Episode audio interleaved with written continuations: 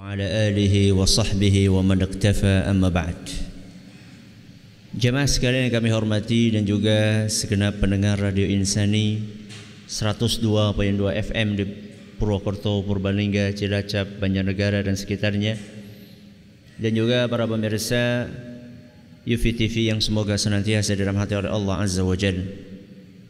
Malam hari ini kita masih akan melanjutkan pembahasan tentang klasifikasi akhlak di dalam Islam di mana pada beberapa pertemuan yang telah lalu kita telah menyampaikan bahwa akhlak itu ada dua secara garis besar. Itu akhlak kepada Allah kemudian akhlak kepada makhluknya. Setelah itu kita telah menyampaikan bahwa akhlak kepada makhluk itu ada akhlak kepada diri sendiri dan juga makhluk lain lalu kita sampaikan pula bahwa makhluk lain itu banyak ya ada selain manusia yaitu malaikat, jin, binatang dan seterusnya. Kemudian ada manusia dan manusia ini banyak jenisnya yang harus kita sikapi dengan akhlak yang mulia. Di antaranya sudah kita bahas Rasulullah sallallahu alaihi wa ala alihi wa sahbihi wasallam. Selanjutnya keluarga. Kita kemarin berhenti di sini. Akhlak kepada keluarga. Dan akhlak kepada keluarga banyak pihak yang termasuk keluarga yang harus kita sikapi dengan akhlak yang mulia. Kita telah sampaikan pertama dan yang paling utama adalah orang tua, ayah dan ibu kita. Kemudian berikutnya adalah pasangan, yaitu suami atau istri. Ini pembahasan terakhir kita pada pertemuan yang lalu. Malam hari ini kita akan melanjutkan pembahasan tentang akhlak kepada keluarga kita yang lainnya. Setelah kita membahas orang tua, suami dan istri, maka berikutnya adalah anak. Akhlak kita sebagai orang tua kepada anak-anak kita. Banyak di antara kita mungkin pernah mendapatkan barang titipan dan kita akan berusaha untuk menjaga titipan itu sebaik-baiknya. Apalagi seandainya barang titipan itulah barang yang istimewa dan orang yang menitipkan kepada kita adalah orang yang istimewa pula atau orang yang terhormat. Manakala kita mendapatkan barang titipan dan barang itulah barang yang istimewa. Masih ketambahan orang yang menitipkan kepada kita adalah orang yang terhormat yang istimewa. Pasti kita akan berusaha untuk menjaga barang itu sebaik-baiknya. Akan tetapi kenyataannya banyak di antara kita mendapatkan titipan yang sangat istimewa dari zat yang paling mulia akan tetapi kita menyia-nyiakan titipan tersebut. Siapa? Tidak lain dan tidak bukan adalah anak yang Allah titipkan kepada kita. Betapa banyak orang tua yang bertahun-tahun bahkan puluhan tahun menikah akan tetapi mereka belum dikarunia oleh Allah amanah berupa anak. Sedangkan banyak di antara kita mendapatkan amanah anak dari Allah Azza wa Jal akan tetapi tidak sedikit ternyata di antara orang tua yang menyia-nyiakan amanah tersebut. Sebagian orang tua mengatakan saya sudah sediakan semuanya Ustaz. Baju saya belikan. Apa yang dia minta saya kasihkan. Dia minta sepeda saya belikan. Dia minta buku, dia minta bola, dia minta HP saya belikan Ustaz. Dia minta PS mau PS yang yang PS2 apa PS3 apa PS7 kalau ada. Hmm. Itu saya belikan semuanya Ustaz. Bukan hanya kebutuhan duniawi yang diinginkan oleh anak kita. Yang lebih dari itu semua adalah bagaimana kita mendidik anak-anak kita. Dan inilah salah satu akhlak terbesar yang harus diperhatikan oleh orang tua kepada anak-anaknya adalah bagaimana dia mendidik anak tersebut. Ustaz saya sudah sekolahkan anak saya ke sekolah yang mahal. Belum cukup. Kewajiban yang pertama yang Allah timpakan untuk mendidik anak bukan kepada sekolah tapi kepada orang tua. Jangan dikira kalau kita sudah masukkan anak kita ke sekolah, terus kemudian kita bisa berlepas diri. Oh tidak. Banyak di antara orang tua ketika anaknya nakal yang yang disalahkan siapa? Sekolah. Padahal sebenarnya waktu anak di rumah lebih banyak dibandingkan waktu anak di sekolah. Dan masing-masing dari kita akan mempertanggungjawabkan tanggung jawab ini di hadapan Allah Azza wa Jalla. Dan kalau tidak kita tunaikan akhlak itu kepada anak kita, maka jangan salahkan anak kita ketika mereka durhaka kepada kita. Karena sejatinya sebelum mereka durhaka kepada kita, kita sudah durhaka terlebih dahulu kepada anak kita. Sering saya menyampaikan pengajian judulnya anak durhaka orang tua atau orang tua durhaka kepada anak. Selama ini selalu yang dibahas adalah anak durhaka orang tua. Apa tidak ada orang tua durhaka sama anak?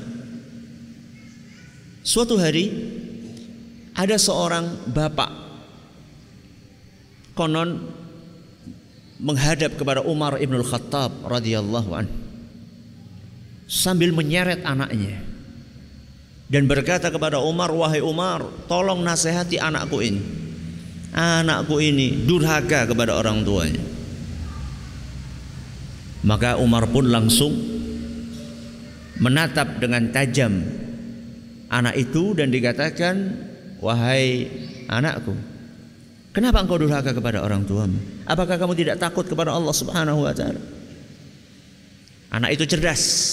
Dia berkata wahai Umar bolehkah saya bertanya silahkan tanya apa saya pengen tahu sebenarnya anak ini punya hak enggak kepada orang tuanya atau dengan kata lain apakah orang tua ini punya kewajiban kepada anaknya Kata Umar, iya, punya kewajiban. Apa kewajibannya? Satu, memilihkan ibu yang baik. Memilihkan ibu yang baik. Dua, memberi nama yang baik. Tiga, mengajari Al-Quran kepada anaknya.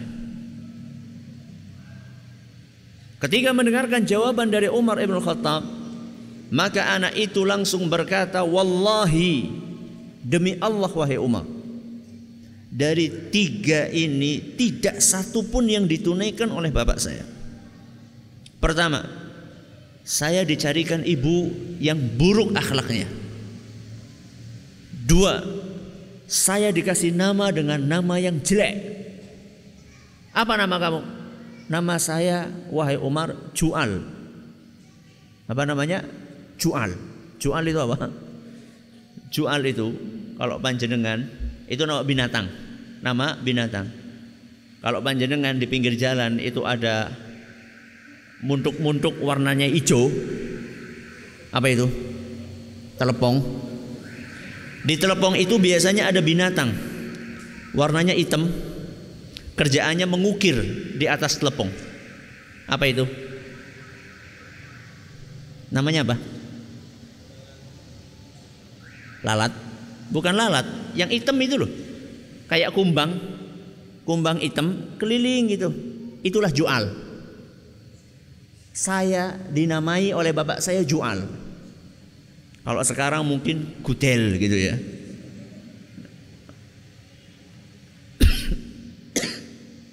Kemudian ini yang kedua, yang ketiga wahai Umar saya ini tidak pernah diajari oleh bapak saya Al-Quran walaupun cuma satu huruf pun. Begitu mendengar jawaban dari si anak, yang awalnya Umar mau marah sama anak itu langsung Umar berbalik marah kepada orang tuanya. Dia berkata kepada bapak tadi, "Pergi kamu. Jangan engkau mengeluhkan Mengapa anakmu durhaka kepada dirimu? Karena sejatinya anakmu durhaka kepada dirimu gara-gara kamu yang dahulu durhaka kepada anakmu. Maka hati-hati kaum muslimin kaum muslimat yang berhormati. Nabi kita SAW berpesan kepada kita para orang tua agar mengajari anak kita membaca Al-Quran, sholat. Usia tujuh tahun perintahkan, sepuluh tahun gak sholat pukul. Sekarang banyak di antara anak-anak kaum muslimin Usianya bukan 10 tahun 17 tahun gak pernah menginjakkan kakinya di masjid Apa pertanyaan dan jawaban yang kita siapkan di hadapan Allah ketika nanti Allah bertanya kepada kita pada hari kiamat. Kamu sudah dikasih anak begitu banyak oleh Allah Subhanahu wa taala. Dalam kondisi ada orang tua orang tua yang tidak dikasih anak. Kamu sudah dikasih anak sampai usia 17 tahun bahkan sampai anaknya nikah sampai punya cucu belum sholat mana tanggung jawab kamu sebagai orang tua dan persiapkan jawaban itu sebaik-baiknya. Sekarang jangan sampai nanti kita di hadapan Allah Subhanahu wa taala duduk terbisu tidak bisa menjawab pertanyaan tersebut. Ini akhlak kepada siapa? Kepada anak. Berikutnya masih keluarga juga akhlak kepada kerabat. Ya. Kerabat itu siapa Ustadz? Kerabat itu ya contohnya kayak paman, bibi, kemudian ponaan, ya. Paman bibi ini orang Jawa ada Pak D, ada Bude, ada Pak Le, ada Bule, ya. Ini adalah kerabat dan kerabat ini mendapatkan kedudukan yang istimewa di dalam agama kita. Di antara ayat yang memerintahkan kita untuk berbuat baik, berakhlak mulia kepada kerabat adalah apa yang Allah firmankan dalam Al-Qur'an surat An-Nisa ayat 36. Silakan nanti baca sendiri di rumah. Surat An-Nisa ayat berapa? 36. Karena keterbatasan waktu nanti panjenengan bisa buka sendiri dalam di rumah surat An-Nisa ayat berapa? 36. Kemudian juga di antara motivasi yang disampaikan oleh Nabi kita Muhammad SAW agar kita berakhlak mulia kepada kerabat kita adalah apa yang disabdakan oleh Nabi kita Muhammad sallallahu alaihi wasallam. Dalam sebuah hadis yang diriwayatkan oleh Imam At-Tirmidzi. Dan beliau menyatakan hadis ini hasan. Nabi kita sallallahu alaihi wasallam bersabda as-sadaqatu 'alal miskini sadaqah Orang yang bersedekah kepada orang miskin mendapatkan satu pahala. Pahala apa? Pahala sedekah. Jadi kalau kita ketemu orang miskin, kita kasih duit sama dia, sedekah, kita dapat satu pahala, pahala sedekah. Adapun wahia ala dzirrahimi thintani sadaqatun wasilah. Adapun manakala kita bersedekah kepada kerabat kita, maka kita akan mendapatkan pahala double. Yang pertama adalah pahala sedekah, yang kedua adalah pahala silaturahim. Makanya aneh sebagian orang sama orang yang nggak dikenal dia begitu dan mawan sama keluarganya sendiri malah pelit lebih besar pahalanya kita membantu keluarga kita yang miskin dibandingkan kita membantu orang miskin yang bukan keluarga kita. Dan ini adalah merupakan hak yang harus ditunaikan oleh seorang muslim kepada kerabatnya. Bukan hanya itu. Nabi kita wasallam mengajarkan bahwa kerabat itu harus kita sambung silaturahmi kepada dia. Sekalipun dia memutuskan tali itu dari kita. Dan inilah hakikat silaturahmi yang sebenarnya. Rasulullah sallallahu alaihi wasallam mengatakan, "Laisal wasilu bil mukafi." Silaturahmi yang sebenarnya itu bukan ketika kita menyambung hubungan dengan kerabat yang menyambung hubungannya dengan kita. Jadi contoh gini, ada keluarga kita, kakak kita baik sama kita, maka kita pun baik sama dia. Dia ngutangin kita, kapan dia butuh kita ngutangin dia. Dia senyum sama kita ketika ketemu, ketika kita ketemu sama dia kita balik senyum sama dia. Ya ini bagus, Akan tetapi silaturahmi yang sejati itu bukan di situ. Terus bagaimana Ustaz? Nabi SAW mengatakan walakin al-wasilul idza quti'at rahimuhu wasalaha. Silaturahmi yang sebenarnya adalah ketika kita diputus tali silaturahminya oleh saudara kita kemudian kita mau untuk menyambungnya. Hadis riwayat Bukhari. Kenapa Ustaz? Nyambung. Nyambung gitu kan antara sesuatu yang putus. Ini kabel perlu disambung lagi nggak? Sudah nyambung, sudah nyambung. Justru ketika putus inilah kita harus menyambung dan itulah silaturahmi yang hakiki. Contoh, panjenengan dicemberuti sama kakak. Kalau jenengan ketemu sama dia harus gimana? Senyum. Sebagian orang kan enggak. Masa saya yang cemberut, eh masa saya yang senyum? Ya dialah, wong dia yang salah kok. Atau ada sebagian orang ya suatu saat saudaranya datang, kerabatnya datang. Ya. Atau kita sedang kesulitan ekonomi. Kita datang ke kakak kita misalnya. Karena kita tahu kakak kita ini ekonominya lagi nanjak. Kita katakan kak tolong dong saya ini lagi kepepet banget. Saya pinjam duit lah.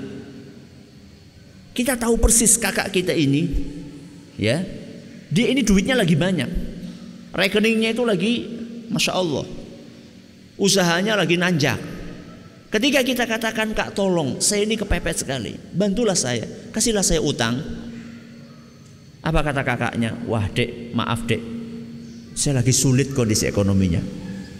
Padahal kita tahu persis dia itu lagi nanjak. Gimana perasaannya? Gimana? Medegel. Cengkel kan? Cengkel. Bismillah. Allah menakdirkan satu tahun kemudian usaha dia kolaps. Sebaliknya usaha kita naik. Dia kesulitan dana. Terus datang ke rumah kita. Dek, tolong dek, saya ini lagi kepepet. Saya pengen ngutang dek. Apa jawabnya? Kalau jenengan jadi adik tadi itu jawabnya gimana? Gimana jawabnya? Jujur. Apa jawabnya? Dikasih? Enggak kan? Berarti belum silaturahim. Banyak di antara kita, nah, Bok, kebenaran ke rasakan biar kamu merasakan seperti apa yang aku rasakan itu bukan silaturahim silaturahim yang hakiki adalah kita bisa menahan emosi kita untuk berbuat baik kepada saudara-saudara kita yang berbuat buruk kepada kita. Itulah silaturahmi yang hakiki menurut Nabi kita Muhammad SAW. Ini siapa ini? Kerabat. Berarti keluarga selesai. Pembahasan tentang keluarga selesai. Sekarang kita akan membahas siapa? Tetangga. Ya, tetangga. Dan tetangga ini mau tidak mau pasti kita butuhkan. Kenapa Ustaz? Karena manusia adalah makhluk sosial. Makhluk sosial adalah makhluk yang tidak mungkin hidup sendiri. Pasti dia membutuhkan bantuan orang lain. Sekalipun Anda punya kerabat yang kedudukan sosialnya tinggi, kan sering kan ada di antara kita yang punya saudara jenderal misalnya atau bos itu kan sering cerita-cerita ya Pokoknya ada aja nyambung. Oh, pejabat anu eh kayak, kayak dulurku. Dulur sekangen di, ya pokoknya dulur lah. Jadi dia bisa menyebutkan, oh saya punya saudara jenderal di Jakarta, saya punya saudara bos di Kalimantan, saya punya saudara kiai di uh, mana? Di Jember. Eh, saya punya saudara apalagi Ceritakan semuanya. ketika panjenengan rumahnya kebakaran, siapa yang dipanggil? Jenderal yang di Jakarta? Kiai yang di Jember? Atau bos yang di Kalimantan? Yang pertama kali dipanggil siapa? Tetangga. Tetangga yang terdekat. Sekalipun dia itu bukan jenderal, sekalipun dia itu bukan bos, sekalipun dia bukan kiai. Yang pertama kali kita buka adalah tetangga kita. Makanya saking besarnya hak tetangga kepada kita sampai-sampai Nabi Shallallahu Alaihi Wasallam mengira bahwa tetangga ini akan menjadi ahli waris. Ahli waris itu ya orang yang berhak mendapatkan warisan dari kita. Jadi sampai-sampai Nabi SAW itu mengira bahwa tetangga ini karena saking seringnya Nabi SAW mendapatkan pesan dari Allah supaya berbuat baik kepada tetangga Sampai-sampai beliau mengira bahwa tetangga ini akan disulap menjadi ahli waris yang berhak mendapatkan harta kita ketika kita meninggal dunia. Dalam hadis riwayat Bukhari di dalam kitab beliau Al Adabul Mufrad dan hadis ini nyatakan saya oleh Syekh Al Albani dari Aisyah radhiyallahu anha bahwa Nabi sallallahu alaihi wasallam bersabda Mazala Jibril alaihi salam yusi bil jari hatta dhanantu annahu sayuwarrithuhu Nabi SAW bersabda Malaikat Jibril Masih terus menerus memberikan wasiat. Lihat wasiat. Kata-katanya wasiat. Malaikat Jibril masih terus menerus memberikan wasiat kepadaku agar aku berbuat baik kepada tetangga sampai-sampai aku berpikir jangan-jangan tetangga ini akan menjadi ahli waris. Ketika Nabi SAW mendapatkan seperti itu dari malaikat Jibril, beliau transfer kepada para sahabatnya. Maka para sahabat pun mempraktekkan, membumikan ajaran Nabi dalam kehidupan sehari-hari. Dalam hadis yang sama riwayat uh, dalam hadis di dalam kitab yang sama Al Adabul Mufrad Imam karya Imam Bukhari dan hadis itu juga dinyatakan uh, dinyatakan sahih oleh Syekh Al Albani diceritakan dalam hadis ini yang akan saya bacakan dari seorang tabi'in yang bernama Mujahid seorang ulama namanya Mujahid beliau berkata kuntu inda Abdullah bin Amr wa gulamuhu syatan Kata Mujahid, pada suatu hari aku sedang berada di rumahnya Abdullah ibnu Amr.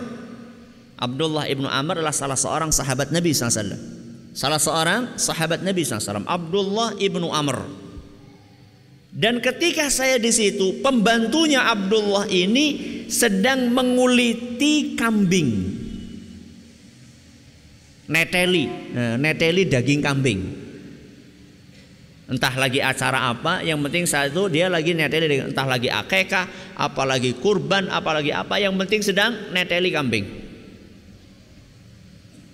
Tiba-tiba Abdullah berkata kepada pembantunya, "Ya gulam, wahai pembantuku, idza faragta fabda bijarikal yahudi." Kalau kamu sudah selesai neteli daging, bagilah daging ini kepada tetangga-tetangga kita dan pertama kali yang harus kamu datangilah tetangga kita orang Yahudi. Siapa? Orang Yahudi. Ini pesannya Abdullah ibnu Amr, sahabat Nabi SAW yang berguru langsung kepada Nabi SAW. Kalau kamu bagi-bagi pertama kali yang kamu kasih orang Yahudi, tetangga kita. Kenapa kok orang Yahudi Ustaz? Karena dia yang paling dekat. Kemudian ada di antara hadirin yang merasa aneh sebagaimana kita saat ini merasa aneh. Aneh nggak? Aneh nggak? Kepikir nggak kita punya tetangga Yahudi kita kirimi daging? Kepikir nggak? Ya sudah nggak usah Yahudi mungkin sulit nyari Yahudi Indonesia. Orang Nasrani panjenengan punya tetangga Nasrani. Kepikir nggak dia samping kita pertama kali kita mulai dari dia? Banyak di antara kita nggak kepikir. Dan pada saat itu ada orang yang bertanya kepada Abdullah ibnu Amr al-Yahudi Masa orang Yahudi yang didahulukan untuk kamu kasih? Aslahakallah. Semoga Allah memberi hidayah kepadamu. Abdullah bin Amr, sahabat Nabi SAW, digitukan sama orang tersebut. Apa kata Abdullah ibnu Amr? Inni sami'tu Nabiya sallallahu alaihi wasallam yusi bil jari hatta khashina annahu sayuwarrithu. Sungguh kenapa aku lakukan ini? Karena aku mendengar dengan telingaku sendiri Nabi SAW terus menerus berwasiat agar kita berbuat baik kepada tetangga sampai kami mengira bahwa tetangga itu akan menjadi apa tadi? Ahli waris. Kalau tetangga Yahudi saja memiliki hak seperti itu, apalagi apalagi tetangga yang muslim. Sudah muslim masih saudara pula. Rata-rata orang tinggal di kampung sederet itu siapa? Saudara. Pak D, Bude, Pak Le, Uwa, ponaan, itu hampir satu deret kecuali di perumahan-perumahan mungkin beda ya. Tapi kalau di kampung ki dulure, ki mbae, ki buyute, ini apalagi mereka itu sangat berhak untuk kita untuk kita baiki, kita sifati dengan akhlak yang mulia. Makanya wajar, wajar. Seandainya Nabi Shallallahu Alaihi Wasallam berkata dan menjelaskan kepada kita bahwa orang-orang yang tidak bisa menjaga dirinya untuk tidak menyakiti tetangganya maka dia akan terhalang untuk masuk ke dalam surga. Hati-hati. Tetangga ini bisa berefek negatif kepada kita kalau kita tidak bisa menghindarkan dia dari gangguan kita. Nabi kita SAW dalam sebuah hadis yang diriwayatkan oleh Imam Muslim beliau bersabda la yadkhulul jannah. Tidak akan masuk surga. Siapa wahai rasul? Man la ya'manu jaruhu bawa'iqahu tidak akan masuk surga orang yang tetangganya tidak selamat dari gangguannya jadi kalau kita suka mengganggu tetangga kita, yakin itu akan menghalangi jalan kita ke surga. Sekalipun kita rajin sholat, sekalipun kita rajin puasa, sekalipun kita sudah haji tujuh kali sekalipun. Maka bukan masalah yang remeh. Menyakiti tetangga bukan masalah yang remeh. Betapa banyak sekarang orang-orang yang suka menyakiti tetangganya. Dan dia tidak merasa bahwa dia menyakiti tetangganya sampah daun pohon. Ya apa enggak? Kita punya pohon mangga. Setiap hari tetangga kita kita kasih apanya? Sampahnya. Gak kerasa kita. Daun dari pohon kita ngotori atapnya tetangga kita. Sampai bonto. Apa bonto? sampai lapuk seng tetangga kita, sampai tubuh apa namanya rumput di atasnya. Sampahnya siapa itu? Ketika panen mangga boro-boro dikirimi. Sabendina dibageni sampai begitu panen mangga buahnya satu pun nggak dikirimi. Wis ditebasakan Ustadz. Hati-hati. Ini bisa menghalangi masuk ke surga loh. Bukan masalah yang ringan. Itu menyakiti dengan sampah. Ada orang menyakiti dengan bau. Nuhun sewu. Spiteng. Ya, sudah 10 tahun nggak disedot. Akhirnya apalagi musim-musim kayak gini nih, musim apa? Hujan. Kalau sudah hujan deras luber ke mana-mana baunya satu RT kena semuanya. Hati-hati, itu ganggu.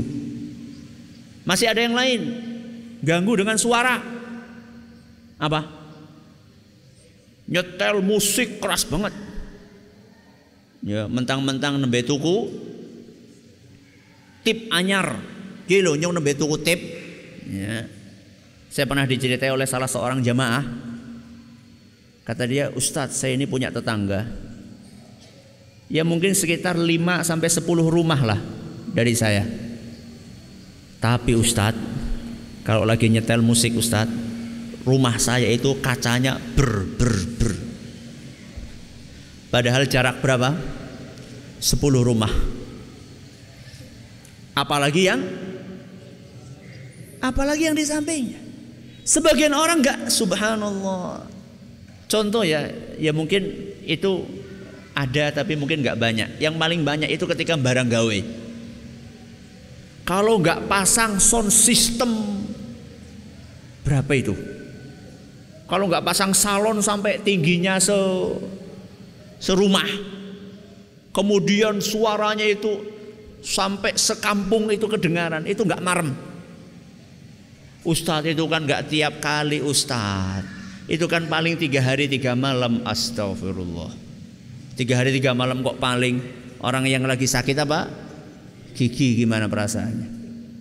Orang yang lagi pusing mikirin utang gimana coba? Yang punya anak kecil Rewel gimana coba? Nabi SAW mengatakan La yadkhulul jannah. Tidak masuk surga yang tetangganya tidak aman dari gangguan kita. Maka ini betul-betul akhlak yang diajarkan oleh agama kita untuk kita kaum muslimin. Jangan sampai kita di kantor Masya Allah dipuji-puji. Di sekolahan dipuji-puji, di masjid dipuji-puji, akan tetapi tetangga kita tahu bobrok aib kita semuanya. Suara. Ketika saya menyampaikan ini di salah satu pengajian ada yang berkata, "Ustadz, ada lagi suara. Apa Ustaz? Nah, apa Pak? Itu gerenda ake. Wing. Sampai jam satu malam. Subhanallah. Sing mem perlah. Ya. Ustaz berarti nggak boleh? Boleh. Siapa bilang nggak boleh? Pakai akek boleh, boleh, ndak apa-apa. Tapi jangan berlebihan. Ya, di antara contoh berlebihannya kayak tadi. Yang gerenda itu sampai masya Allah jam satu malam, ya sampai tetangganya nggak bisa tidur. Masa gara-gara gara-gara akik jadi sulit masuk surga ya kebangetan toh? Ya maka hati-hati. Maka mulai dari detik ini kita berusaha untuk terus memperbaiki akhlak kita, mengecek akhlak kita kepada tetangga kita, kepada anak kita, kepada istri kita, kepada suami kita, kepada orang tua kita. Ini harus terus kita perhatikan di dalam kehidupan kita sehari-hari dan semoga kita termasuk orang-orang yang terus grafik akhlaknya itu naik. Jadi jangan sampai ngaji itu sekedar dijadikan ilmunya wawasan dan wacana di kepala. Mubah ya percuma. Akan tetapi begitu kita pulang, nanti ini habis ini pulang, coba dicek spitengnya.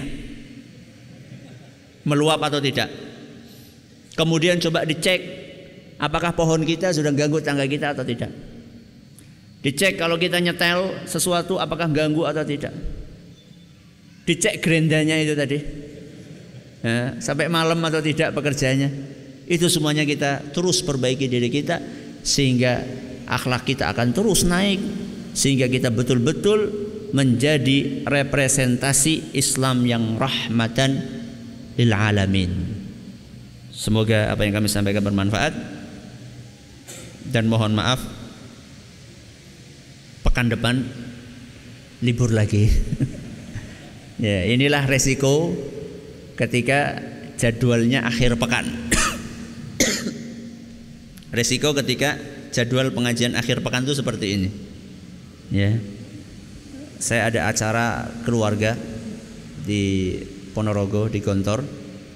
Makanya pekan depan kita libur dan insya Allah kita akan masuk lagi tanggal 21. Berarti satu minggu lagi. Semoga ini bisa dikabarkan kepada teman-teman yang lain. Terima kasih atas perhatiannya. Mohon atas segala kurangnya. Kita tutup dengan membaca سبحانك اللهم وبحمدك أشهد أن لا إله إلا أنت أستغفرك وأتوب إليك. السلام عليكم ورحمة الله وبركاته.